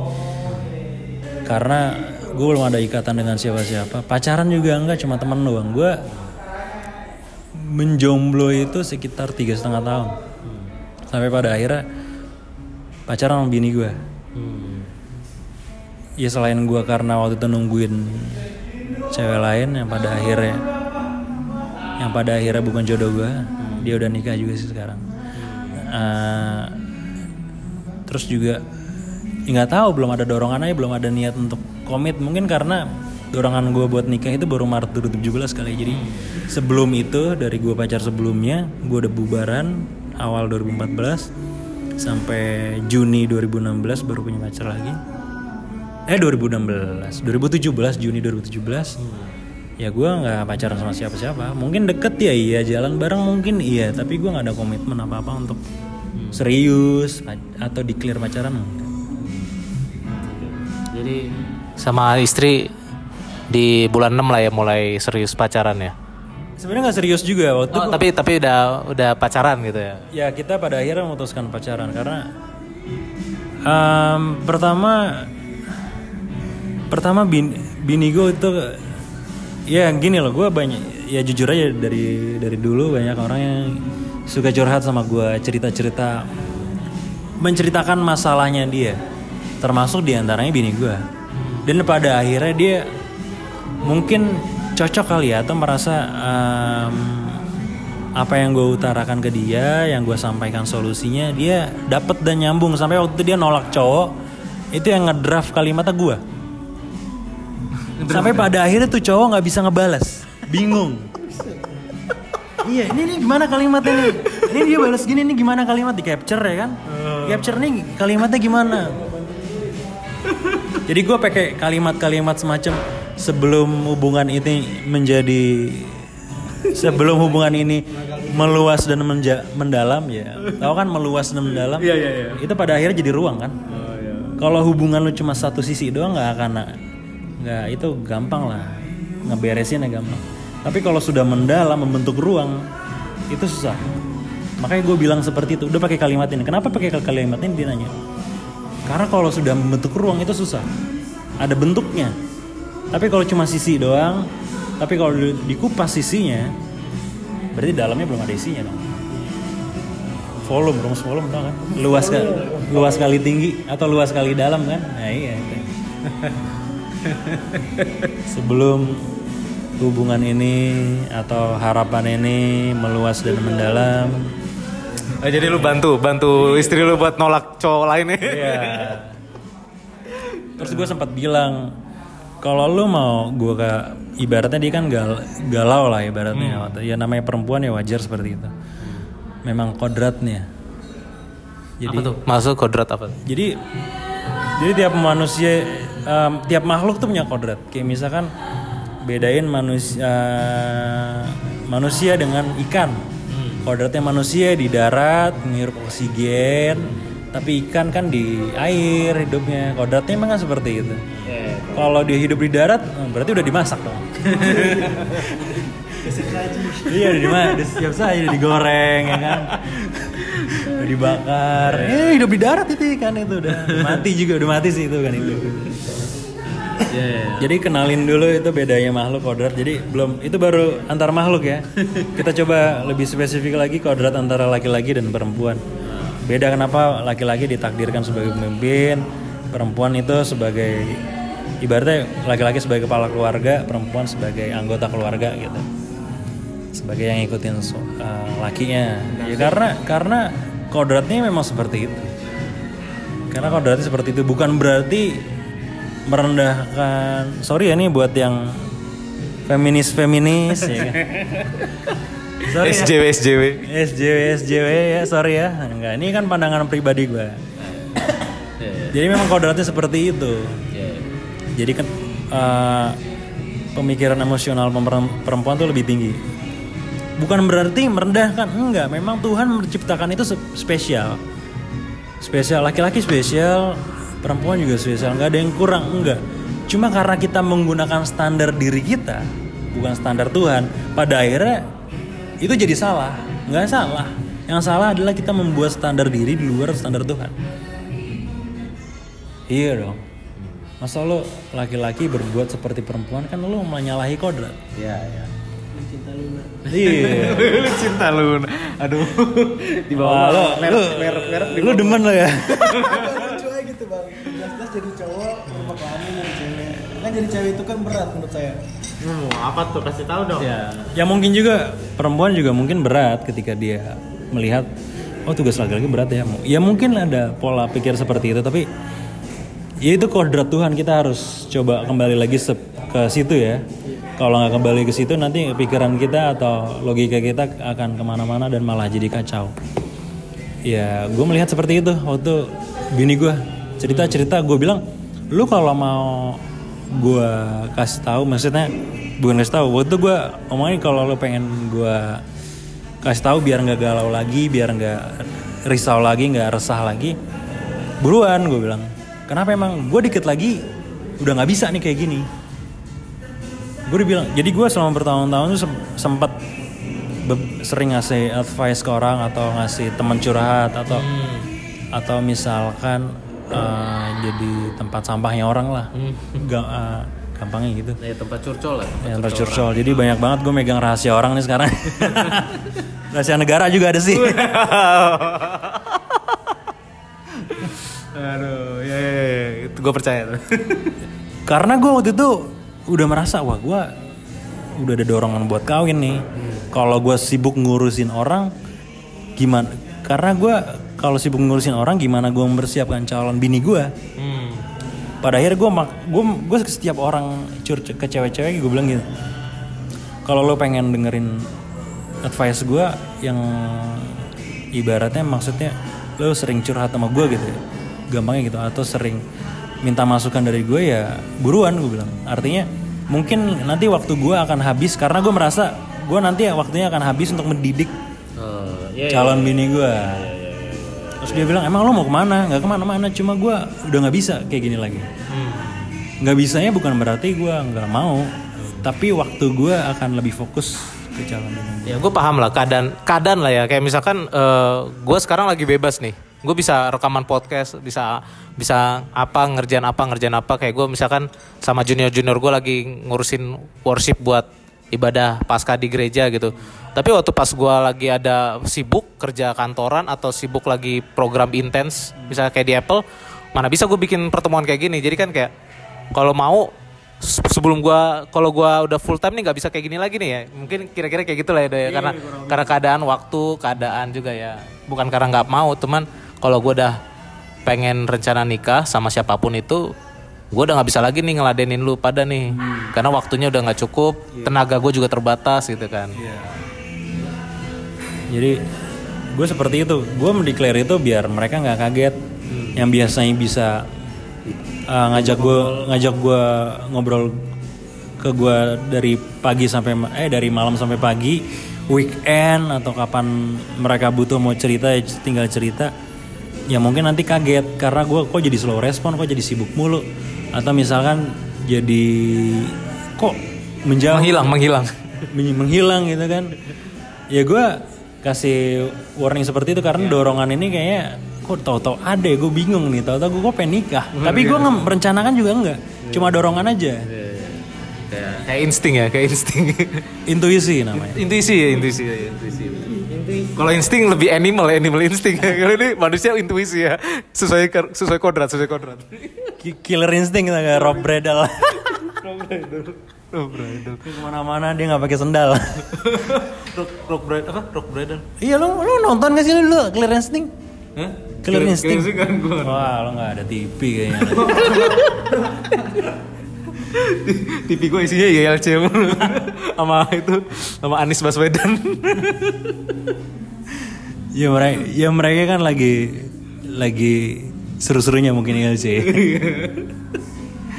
Ya, jadi itu ya. Oh ya, bener sih. Kadang kan kita juga kesel kan kalau kita lagi deket no- sering nongkrong sama orang atau sering akrab, terus bulan depan tiba-tiba dia ngilang gitu tanpa kabar. Kalau emang sibuk kan ngabarin gitu ya. Eh sorry ya, kayaknya bulan depan nih gue lagi sibuk nih, jadi nggak bisa kayak kayak kayak hari-hari ini nih gitu kan. hilang tanpa kabar Ngilang tanpa kabar asik nih. Curcol ya, curcol ya. Eh, Nih tahap-tahap galau nih si Mario ya kan pas kuliah ya kan. Kalau SMA gue gak tau dikit lah ya. SMA galaunya nggak separah anak kuliah kali ya. Gak apa-apa lah nikmatin lah masa-masa di kampus tuh seru tau.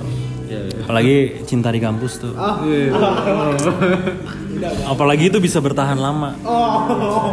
Gue ada loh orang yang bisa bertahan lama itu sampai sekarang kali ya. Dia masih ada tersisa di di diri gue. Jadi ya mungkin takdir nggak bisa mempersatukan ya, tapi ya ya namanya ya itulah itulah cinta namanya.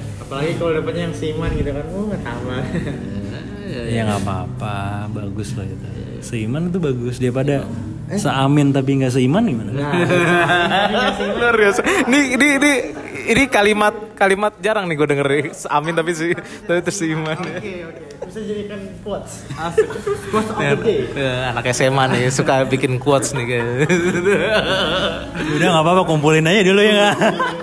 biar, biar bikin ini ya, jadi bingkai ntar bingkai di kafe. Oke. luar biasa ya Bung Dodo ya Ah, terus Tapi lo juga harus lihat walaupun seiman tapi kadang beda keyakinan. iya iya Lu nya yakin dia yang nggak yakin.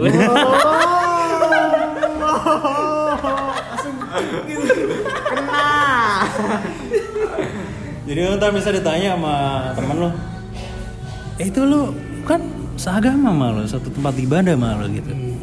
Tapi lo kok nggak bisa jalanin sama dia? Iya beda keyakinan gitu. dia yakin, gue nya enggak. Atau sebaliknya. gue yakin dianya enggak itu yang lebih tragis ya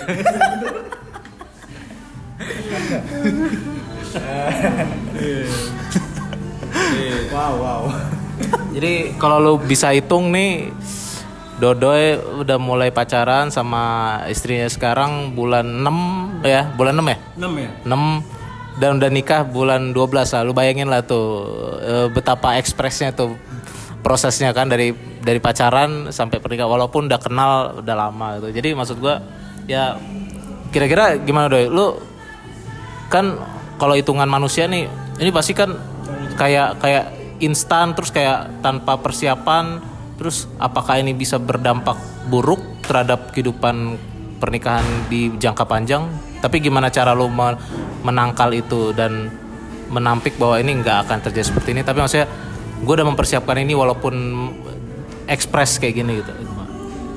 Eh sebenarnya gini. Ya gue jujur aja waktu itu yang kayak meminta gue tuh bini gue pertama minta untuk pacaran yang kedua minta untuk nikah tuh bini.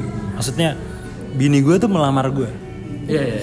Percaya nggak lo Perc- percaya nggak lo Eh, kalau ini kalau ini gua gua kan di Apple Developer Academy kan ini ya ada banyak orang ya. Kayak dari yang masih kuliah sampai yang udah tua umur 50 40 dia pun bahkan punya gue pernah dengar dia punya pendapat gitu. Cowok nggak cuma cowok yang bisa ngelamar cewek juga bisa ngelamar. Caranya cewek ngelamar adalah misalkan gini yang terutama yang kalau cewek cara cewek ngelamar cowok kalau pacaran udah lama ya. Misalnya udah pacaran lima tahun 6 tahun cowoknya nggak ngelamar-lamar. Dia paling gini ini kalau kita gini-gini terus aku beren kita gak usah kita ini aja deh udahan aja deh. Eh, kamu cari yang lain aku cari yang lain. Itu katanya itu teknik cewek melamar cowok. Jadi kalau kamu nggak serius kalau eh kamu kamu kalau ki- kita hubungan kita gini-gini aja yaudah kita bu, kita bubar aja. Iya kayak kode jadi itu itu teknik itu teknik cewek melamar cowok itu kata senior gue di Apple Academy waktu yang bapak-bapak yang umurnya udah 52 tahun gitu. Jadi ini jadi eh, se, se, se, se, se- serupa dengan apa yang dibilang. Jadi wawasan lah untuk laki-laki. Jadi ya ya, ya gue setuju tuh. Berarti ada cara cewek melamar laki-laki. jadi gini waktu itu gue apa gue tuh sebenarnya membuka peluang ke ke semua orang ya artinya semua cewek cowok mah kalau cowok kalau cowok mah jadi korban cengan gue aja Jadi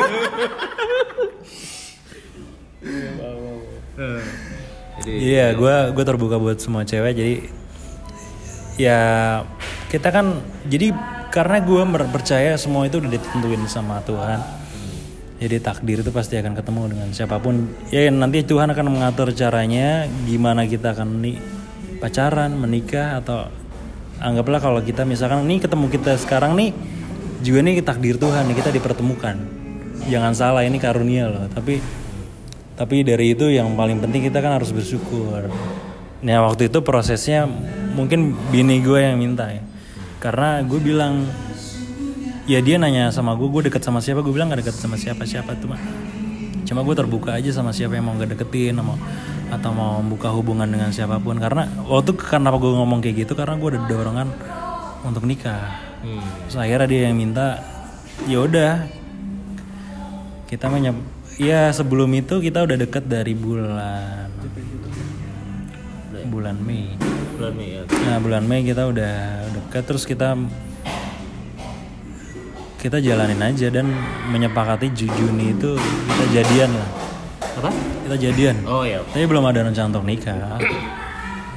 Setelah berapa lama mungkin Agustus atau September dia ngelamar gue dia nanya dia meminta gue mau nggak dia jadi suaminya dia itu person personal ya dia melamar bukan berarti keluarganya dia datang ke rumah gue enggak tapi secara personal dia dia nanya kayak gitu ya udah gue jawab ya gue jawab aja karena kan dia meminta dan juga gue sebenarnya kemak karena kemakan omongan gue sendiri Zer niat gue diri sendiri. Gue ngomong ke diri gue tahun 2014 gue kayaknya cuma mau pacaran atau nikah sama orang yang minta sama gue. Itu gue kemakan sama omongan gue sendiri. Jadi di tahun 2014 gue sempat ngomong kecuali sama orang yang gue tungguin itu ya. Oh iya iya. yang pada akhirnya ya kita nggak berjodoh sih. Cuma gue ngarepin dia tujuh eh tujuh tiga setengah tiga setengah tahun nah iya pada akhirnya dia sama orang lain capek-capek berjuang Enggak, gue nggak perjuangin sih. Gue hanya gue pasif dan gue sempat perjuangin tapi pada akhirnya nggak tahu kenapa kayaknya dia menjauh dan akhirnya jadian sama orang lain. Oh, sakit. Sakit sih enggak karena bisa yang alami ya ya wajar mungkin tiap orang punya masalah seperti itu. Jadi bini gue minta gue untuk menikah itu September. Setelah itu gue coba ya dia ngomong ke orang tuanya. Terus gue dipanggil, gue dipanggil sama bokapnya. Bokapnya bini gue itu bulan September, apa Oktober gue lupa sekitar September deh kalau nggak salah. Jam 11 malam, gue dipanggil. Gue pulang kantor langsung ke situ. Diomongin gimana teknisnya. Gue ditanyain tuh, nih beneran mau nikah? Iya. Kita udah coba untuk serius lah. Terus eh, kapan? Gue ditanya kapan? Gue bilang ya kalau bisa besok besok. Iya iya. iya. Kenapa gue nggak merencanakan ini? Tahu-tahu ditanya kapan? Ya kalau bisa besok ya besok disegerakan aja. Terus akhirnya dijelasin lah kalau bokapnya butuh ada lamaran dulu, butuh ada pertemuan keluarga. Oh ya udah pada akhirnya setelah ngomong-ngomong sama nyokapnya juga, gue minta jangan terlalu lama karena kasihan. Kalau bisa sebelum ganti kalender jadi tahun 2018 gue bilang gitu. Kenapa emang? Kayaknya kalau udah sampai kena bulan Januari nggak bakal lanjut deh. Intuisi gue ngomong gitu kayak gue gue sampein aja kalau ini sampai Februari bisa jadwalnya Februari atau Januari mungkin nggak bakal lanjut jadi nikah. Mungkin gue langsung nikah sama orang lain. Cepet amat nikah sama ganti orang ya. ya nggak tahu itu itu gue coba untuk jujur aja bahwa yang gue rasakan seperti itu gitu. Ya mungkin kalau kedengaran orang kayaknya ini orang sengak banget ya gitu. Tapi mungkin seorang Dodoy memang punya pola pikir yang agak beda. Jadi begitulah cara bicaranya dengan orang ya. Tapi ya akhirnya akhirnya kejadian ya akhirnya maksudnya walaupun lu seperti menantang mertua lu kayak kalau bisa besok besok gitu akhirnya memang ya berjalan tanpa rencana mengalir dengan sendirinya akhirnya bisa sampai Desember sampai bisa nikah kan itu wow banget ya cepet dan padat sekali itu tuh persiapan. Iya semenjak obrolan di bulan September itu gue lah lamaran November terus Desember itu nikah ya akad ya kalau dalam Islam tuh akad. Nah itu akhir Desember. Itu waktunya pendek ya bener waktunya pendek karena memang nggak ada rencana. Pada akhirnya disepakati tanggal itu. Setelah gua gua ngobrol sama keluarga gua dan ngobrol sama keluarga bini gua ya jadinya tanggal segitu. Tanggal 30 Desember 2017 sempat ada tarik menarik ya masalah tanggal tapi pada akhirnya kita deal tanggal segitu dan ya udah berjalan sampai sekarang. Nah kenapa? Terus gimana caranya? Lu sebentar itu lu mempersiapkannya gimana untuk masalah eh, hubungan rumah tangga ya? Kalau gue bukan melihat itu sebagai hubungan rumah tangga tapi hubungan keluarga kalau rumah tangga itu rumah tangga itu urusan yang lebih ke sifat yang fisik ya sifat yang kelihatan gitu. Urusin rumah masakan apa gitu ya? Ya gue membagi jadi gue menyepakati gue dengan bini gue oke gue sebagai kepala keluarga tapi dia gue serahkan untuk jadi kepala rumah tangga. Kenapa begitu? Ya gue membagi tugas saja kalau masalah urusan naro baju di mana naro mau butuh perabot apa nah, itu urusan bini gue gue serahin tapi kalau udah urusan batinia urusan ruhania itu udah menjadi tanggung jawab gue sebagai kepala keluarga. Jadi pembagiannya jelas kalau udah masalah keluarga itu menjadi tanggung jawab gue dan bini gue setuju untuk itu. Kemudian untuk masalah yang rumah tangga seperti itu ya bini gue gue gue akan coba untuk ikutin. Mungkin ada nego-nego dikit atau ada agak obrolan-obrolan dikit pembahasan ya. Gue coba untuk ikutin aja. dinamika lah itu namanya dinamika Ya dinamika. Terus gimana caranya orang banyak terus gimana caranya lo kok bisa secepat itu? Justru itu karena gua nggak punya waktu buat karena gua sudah membatasi waktu buat yang lain, buat curcor-curcolan orang lain dan gua mulai agak jarang ngumpul dengan teman masih ngumpul tapi mulai agak jarang. Nah di waktu itu gue coba untuk mendidik bini gue, mempersiapkan bini gue. Pertama kenapa kenapa seperti itu? Karena kalau orang bilang mungkin gue agak aneh atau mungkin gue punya standar tersendiri. Ya mungkin dengan bahasa mereka oke ya gue iyain aja tapi gue lebih karena gue memegang prinsip ya. Gue sampai bilang sama bini gue, gue gue nanya pertanyaan-pertanyaan men- mendasar tapi jawabannya susah. Pertanyaan eh, kalimat pertanyaannya sedikit kayak misalkan menurut kamu itu hidup apa? Gue tanya ke bini gue. Menurut kamu hidup itu apa? Hidup, hidup itu apa? Sebelum jangan ngomongin kejauhan tujuan hidup lah jangan. Atau ngomongin hidup bersama atau misalkan mengarungi bahtera kehidupan. Yang dasar aja dulu hidup itu apa? Gue tanya kayak gitu. Itu jawabannya berminggu-minggu loh. Gue membentuk gimana caranya dia bisa jawab hidup itu apa. Kemudian baru setelah itu baru naik gue nanya tujuan hidup itu apa? Tujuan hidup kamu apa? Tujuan hidup kita itu apa? Ya kalau misalkan kita nggak selesai nih ini pertanyaan kayak gini aja, ya aku kan cari yang lain. Terserah ini udah udah jadi semuanya. Eh, persiapan untuk akad, udah lamaran, gue nggak peduli. Kenapa? Kalau ini masalah prinsip kagak selesai, buat apa gue cuma cari gratisan bercinta doang sama perempuan? Iya nggak? Ibaratnya gue, lo untuk urusan hal mendasar kagak selesai tapi lo pengen melakukan sesuatu hal yang besar.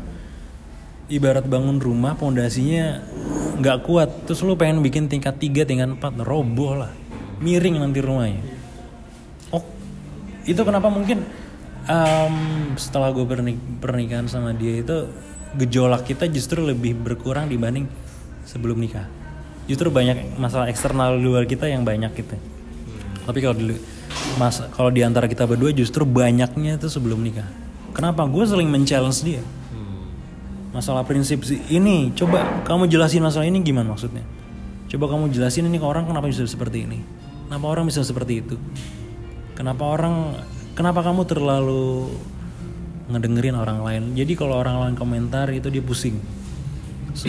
Gue tanya kan ke bini gue ke calon bini gue waktu itu sebenarnya audiens dalam hidup kamu tuh siapa? Penonton dalam hidup kamu siapa? Kalau penonton dalam hidup kamu itu teman-teman kamu tetangga-tetangga kamu atau misal orang lah ya nggak akan selesai. Semua orang kan bebas berkomentar. Mereka kan merasa dengan berkomentar itu merasa paling benar enggak nggak akan selesai gitu. Iya. Lu akan terombang ambing oleh di- komentar orang. komentar orang kalau ada 50 orang ya lu akan terombang ambing oleh 50 arah hidup. Jadi kita harus membuat impresi ke orang lain gitu. Kita harus orang lain harus jadi sampai gue jelasin jadi kita harus menyenangkan orang lain. Menyenangkan komentar orang lain memuaskan orang lain nggak bisa. Nggak akan pernah habis. Sekarang berapa miliar sekarang di dunia? Ada berapa miliar orang semua pengen kita puasin nggak akan pernah bisa. Umur nggak akan sanggup waktu nggak akan cukup. Jadi yang paling utama gue bilang ke dia gini kalau kita menjadikan audiens kita itu adalah Tuhan bahwa kita akan berpatokan ke situ terus. Kita dalam melakukan sesuatu membedakan mana keinginan mana kebutuhan kemudian dalam memutuskan sesuatu kita bedakan kapan menggunakan hati kapan menggunakan akal kapan menggunakan nafsu mana yang harus diutamakan. Kayak misalkan pesan makan ya kita pasti pakai nafsu lah pengen makan pengen ngopi aja pengen makan nasi goreng gitu. Kita makan pengen makan pisang itu kan nafsu. Tapi kalau masalah hati kan kita lebih kita bisa menilai baik buruk. Kadang bener itu belum tentu baik. Kayak misalkan kayak misalkan gini. Lo em, bilang nyokap lo em, salah gitu cuma nyokap lo lagi marah-marahnya terus lo lawan lo bentak gitu. Walaupun lo bener itu bener lo ngasih tahu yang bener ya iya bener. Based on logika ya. Tapi kalau ba- based on hati lo masing-masing itu nggak baik. Kenapa? Dia orang tua. Kita mungkin bisa ngasih tahu itu nanti ketika udah adem situasi udah enak. Pada akhirnya kita nggak mendekati namanya fase durhaka itu. Iya. kan itu nggak baik kan walaupun kita benar nyampein nggak bisa mah nggak bisa bu. Salah itu begitu. Bentak. Salah. Kita udah ngomongin bener salah. Tapi kalau kita ngomong lari kita naikin lagi derajat ke baik dan buruk itu nggak baik. Itu buruk. Nanti ada fasenya. Kita harus jaga perasaan mereka. Ya gue jelasin seperti itu. Gue jelasin bagaimana baik buruk bedanya baik dan buruk bedanya benar salah kalau ngikutin nafsu pasti merasa bener aja. Jadi gue sampai ngajarin waktu itu kayak gitu. Bagaimana membentuk kalimat. Jadi sampai membentuk kalimat loh. Jadi sampai ngomong ke temennya itu temennya itu nggak bisa nggak bisa bilang iya atau nggak bisa bilang i- enggak selain enggak gitu. Jadi jawabannya di temennya. Gue bilang bahwa tiap kalimat itu ada rasa nuansa ada ada ada tujuannya mau ke mana itu kalimat jadi kita nggak perlu pusing dengan sikap orang lain kita pusinglah diri kita kalau misalkan membuat Tuhan itu kecewa membuat Tuhan itu marah Nice, nice, nice. Jadi memang yang modal-modal lu dalam berumah tangga, modal lu dalam berkeluarga ya, bukan kayak orang-orang pada umumnya yang kayak misalkan eh, modalnya adalah ini biaya nikah segini, nanti kalau belum punya rumah nanti kita ngontrak dulu. Tapi yang lu bangun adalah kap- kapitalnya adalah nilai hidup, filosofi hidup, eh, nilai-nilai kemanusiaan. Terus ya pokoknya gimana caranya hidup ber hidup bersama tuh kayak gimana cara menjalani hidup dari segi yang batiniah lah ya lebih batiniah gitu ya. Itu yang modal lu ya. Jadi eh, kalau batin modal batiniahnya nggak cukup mau persiapan nikahnya udah lengkap itu bisa bubar aja kalau memang batiniahnya belum cukup modalnya. Nafkah itu kan bukan nggak sekedar nafkah uang ya tapi nafkah batiniah itu artinya ketenangan jiwanya si suami istri ini. perempuan itu terutama kan kita laki-laki nih kita harus bertanggung jawab terhadap apa yang kita perbuat. Ketenangan jiwanya si perempuan itu menurut gue lebih penting ya. Hmm. oh ya sama gue membagi peran ya untuk mengajarin dan untuk membagi peran. Kayak misalnya gini peran kita sebagai makhluk manusia pertama bedakan peran kita sebagai manusia peran sebagai gender. Maksudnya misalkan dia kita ngomongin bini gue ya. Bedakan peran dia sebagai manusia peran dia sebagai perempuan peran dia sebagai istri bedakan dia sebagai, sebagai anak dari orang tuanya. Semua punya peran masing-masing. Kalau misalkan di dalam jiwanya belum selesai nih itu akan peran itu akan berantakan. Kayak misalkan lu sama gue Zor lu anggap gue sebagai orang tua lu kan salah. Kan kita temenan. Gue berperan sebagai temen di lu. Tapi ketika lu ketika lu pulang ke rumah lu sebagai anak peran lo Nah kita di situ bermain peran. Coba kamu bedakan peran-peran kamu. Coba telaah lagi peran-peran kamu kayak gimana. Gue bilang gini. Jangan sampai salah, jangan sampai kebalik. Oh iya, kalau di rumah sebagai anak kita harus berbakti gini-gini. Dan gue ajarin dia untuk tidak banyak menuntut hak. Yang paling penting kita melakukan kewajiban. Gue mau nanamkan dia untuk wajib asasi. Jadi apa yang kita lakukan, kita harus begini. Masalah haknya nanti aja lah kita harus melakukan ini ke orang lain kita harus baik. Misalkan itu wajib ke ke keluarga juga. Kita harus utamakan keluarga dibanding teman-teman. Kenapa kayak gitu? Karena keluarga itu ikatannya batinnya kayak misalkan lo sama keluarga lo gak mungkin lah lo karena ikatan. Cuma sekedar ikatan nggak? Pasti ada ikatan emosional. Nah ikatan ikatan ba- batinnya kan. Kalau ke temen kan lebih karena ada kesamaan keinginan, kesamaan sifat atau Samaan hobi. kesamaan hobi kan seperti gitu aja kan. Iya. Apa ikatan batininya tidak se- sedalam ikatan dengan keluarga. Juga ajarin seperti banyak, wah banyak banget Zor. Kadang gue lagi jalan nih, bah, stres bini gue dulu tuh jalan sama gue. Gue tanyain pertanyaan yang kayak gitu, pertanyaan simpel tapi susah jawabnya menurut dia. Tapi sekarang ya enaknya gue sekarang tinggal ngejalanin aja karena dasar-dasarnya udah gue coba tanam ya. Mudah-mudahan sih awet gitu artinya nilai-nilai itu terinternalisasi sama dia. Betul betul. Iya iya benar. Karena yang seperti yang lu lakukan mungkin mungkin banyak yang dia yang dilakukan orang ya yang kita nggak kenal tapi ya yang gue kenal sejauh ini memang jarang ada yang ngomongin soal kayak gini kalau gue punya ini ya kalau gue punya guru rohani ya kalau gue punya guru rohani di luar sana ya eh, bukan di gereja gue yang sekarang tapi guru rohani yang di gereja lain dia pun juga ngomong gitu. Nikah itu mm, kamu kalau emang Tuhan kamu nggak usah mikirin nikah nggak usah mikirin kerjaan kamu harus gimana. Ya, kalau kamu nikah tapi pengen pengen nikah pengen cari jodoh tapi eh, pribadi kamu belum beres buat apa kamu malah nyusahin orang lain gitu? Mendingan kamu tuh nikah buat Tuhan gitu. Jadi bener, ya maksud gua eh, ini memang filosofi yang memang menurut gua harusnya banyak orang sadar gitu loh. Ya mungkin nggak harus mereka lakukan tapi setidaknya mereka renungkan lah ya yang kayak gini-gini. Jadi nggak asal-asal nikah karena tuntutan orang tua karena tuntutan keluarga besar.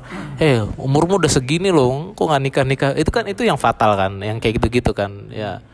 Eh banyak keluarga yang nggak cuman di keluarga Batak kayak gua atau keluarga Jawa kayak lo tapi mungkin banyak juga seperti yang teman-teman gue lain yang Chinese atau teman-teman kita yang yang ya apa apa ya, ya berbagai suku budaya dan negara lah gitu kayak punya kayak gitu kan eh, kesian kitanya gitu yang kesian orang-orang yang mau nikah ini lah maksudnya kalau emang pribadi dia dan pribadi pacarnya atau pasang calon pasangan hidupnya emang belum beres jangan jangan dipaksain nikah dulu gitu kan.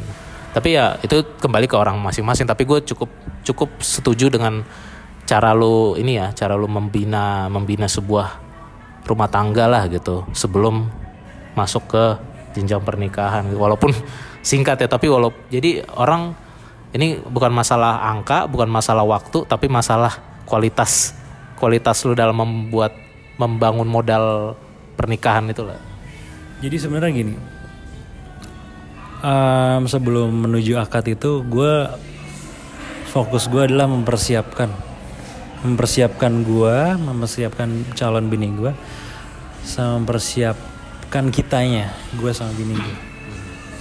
Jadi ada aspek dari guanya, aspek dari dianya, sama kitanya.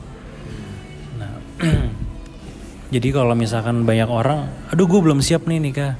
Kalau menurut gue sih, ya itu ini kembali lagi ke takdir ya. Kalau memang sudah waktunya menikah ya menikah aja. Kalau udah waktunya mati ya mati aja. nggak ada yang nggak siap. Eh, nggak ada yang siap. Yang ada adalah antara lebih siap atau belum siap. Ada yang terus-terusan terjebak dengan pola pikir belum siap, belum siap. Jangan sampai nggak siap ya. Bilang aja belum. Belum siap, tapi ada juga yang eh, merasa sudah siap, tapi menurut gue sih nggak nggak seperti nggak ada yang nggak ada yang siap. Yang ada adalah menurut gue cuma dua, belum siap sama lebih siap. lebih siap itu kan lebih ke eh, klaim pribadi ya. Hmm. klaim personal atau klaim pasangan. Kalau kita udah siap ya. Itu kan klaim aja sebenarnya. Tapi kalau di kalau dikulik lagi misal gue jadi gue nanya-nanya mereka misalnya misalkan ya kalau iseng gitu. Sampai kayak waktu itu kan gue nanya gini lu yakin deh lu yakin udah siap apa cuma justifikasi lu doang? Apa cuma klaim-klaim lu doang? Lu siap? Enggak itu Iya masih. itu untuk nyentil. Ya. mumpung masih ada waktu dipersiapkan. Ya tujuh ya niat gue sih biar dia seperti itu tapi kalau memang menganggapnya lain ya terserah sih. Gue gue juga gak peduli dengan apa penilaian orang ke gue gue juga nggak peduli amat Iya, iya. Tapi emang ya sebenarnya itu pertanyaan yang benar tapi mungkin sebagian orang menganggap itu kayak ledekan atau kayak menganggap itu kayak wah ini orang nggak serius nih sama gue gitu. Pa- Padahal sebenarnya kan mempertanyakan lagi supaya lu harus lebih serius lagi kan gitu ya. Hmm, lebih siap lagi lebih disiapin lagi. Biar lebih siap sih kalau siap 100% ya itu nggak akan nggak akan kita nggak pernah tahu siap 100% itu seperti apa. Yang ada adalah kondisi lebih siap. Udah gitu aja secara batinia atau mungkin banyak orang mengukur dari eh, materi lebih siap secara materi. Kalau gue sih enggak ya karena materi akan ditinggalkan. Jadi gue lebih fokus ke pembangunan ke rohani kejiwaan. Jadi gue jadi gue bilang sama bini gue gini kamu tuh akan jadi tanggung jawabku dunia akhirat. Kamu itu ada jadi kalau gue lebih telaah lagi manusia kan ada ada jasadnya ada jiwanya ada ruhnya. Bagaimana gue mendidik tiga itu bagaimana gue menafkahi jasmaninya kemudian gimana gue menafkahi rohani dan jiwanya jangan sampai dia walaupun gue jarang di rumah tapi dia kesepian atau misalkan ada juga ya loh yang kadang suaminya deket sama dia secara jasmani tapi jiwanya kosong ruhnya kosong nah itu sebenarnya nggak ternafkahi tuh ruh dan jiwanya itu Menarik menarik. Iya iya iya. jadi kalau bisa dibilang misalkan gue sebagai cowoknya atau gue sebagai ceweknya gue ada gue bersama pasangan gue tapi gue kok merasa kesepian gue merasa kok unek-unek gue kok nggak ketampung sama dia. Jadilah penampung buat pasangan lo. Gue memposisikan gue buat bini gue gitu. Kalau dia ada unek-unek kelempar ke gue semua. Sampai temennya bilang gini kok lu nggak pernah cerita lagi sih kita bini gue sampai menceritakan kayak gitu gue jadi bukannya gimana tapi oh ternyata gue cukup berhasil menurut ceritanya bini gue.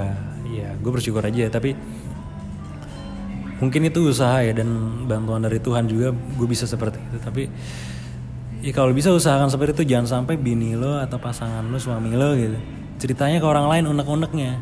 Artinya dia tidak tertampung nggak selesai masalah batinnya masalah kejiwaannya masalah batinianya itu dengan pasangannya. Nah potensi-potensi se- serong-serong ya di situ tuh apa-apa sih semua kan ditanggung masing-masing ya nggak Agak masih guys. ya ya ya. Tapi memang sekompleks apa pun persiapan pernikahan tapi memang ya yang penting kita tahu apa yang mau kita kerjakan modal-modal yang mempersiapkan batinia kalau nafkah jasmani atau material kan itu bisa kita lihat dengan mata ya. Bisa kita kita ukur dengan angka. Tapi kalau batinnya kan susah kita ukur hanya kita sendiri dan pasangan kita lah yang bisa kita kita bisa mengukurnya dari masing-masing lah ya orang lain juga belum tentu tahu dan ngerti gitu kan Ya, jangan, jangan sampai jangan sampai sih pasangan kita punya rasa yang tidak bisa diungkapkan. Jadi misalnya gini, misal kalian punya pacar gitu, punya pacar, cuma di untuk masalah tertentu atau masalah sensitif atau masalah yang sebenarnya bisa diceritain ke lo, diceritain ke orang lain. Artinya lo nggak bisa menampung masalahnya dia itu. Misal dia apa apalagi sampai dia cerita ke cowok atau ke cewek lain. Wih, artinya berarti lo nggak bisa menampung masalah itu. dong. fakta tuh fakta Iya nggak? fakta di masyarakat Ya ini gue belajar dari pengalaman sih.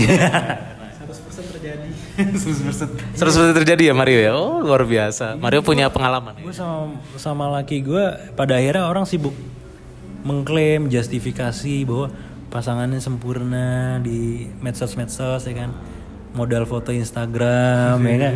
Pokoknya di Instagram tuh harus semuanya bagus. Ya nggak ada tuh foto lagi nangis lagi berantem kan nggak ada. Pokoknya harus bagus ya kalau bisa kayak model ya kalau bisa. Yang so sweet so sweet sosit sosit yang bagus-bagus aja. Pokoknya yang jelek-jelek disimpan sendiri. Pada akhirnya ketika masalah itu menumpuk baik itu di cowok ataupun di cewek lama-lama dia akan meledak kayak gunung meletus tau gak? nah ketika gunung itu meletus pasangannya kok kag- kok gini pasangan gue? Itu namanya sesuatu hal yang tidak bisa dijelaskan. Kalau bahasa eh, orang-orang di medsos undescribable undescribable feeling.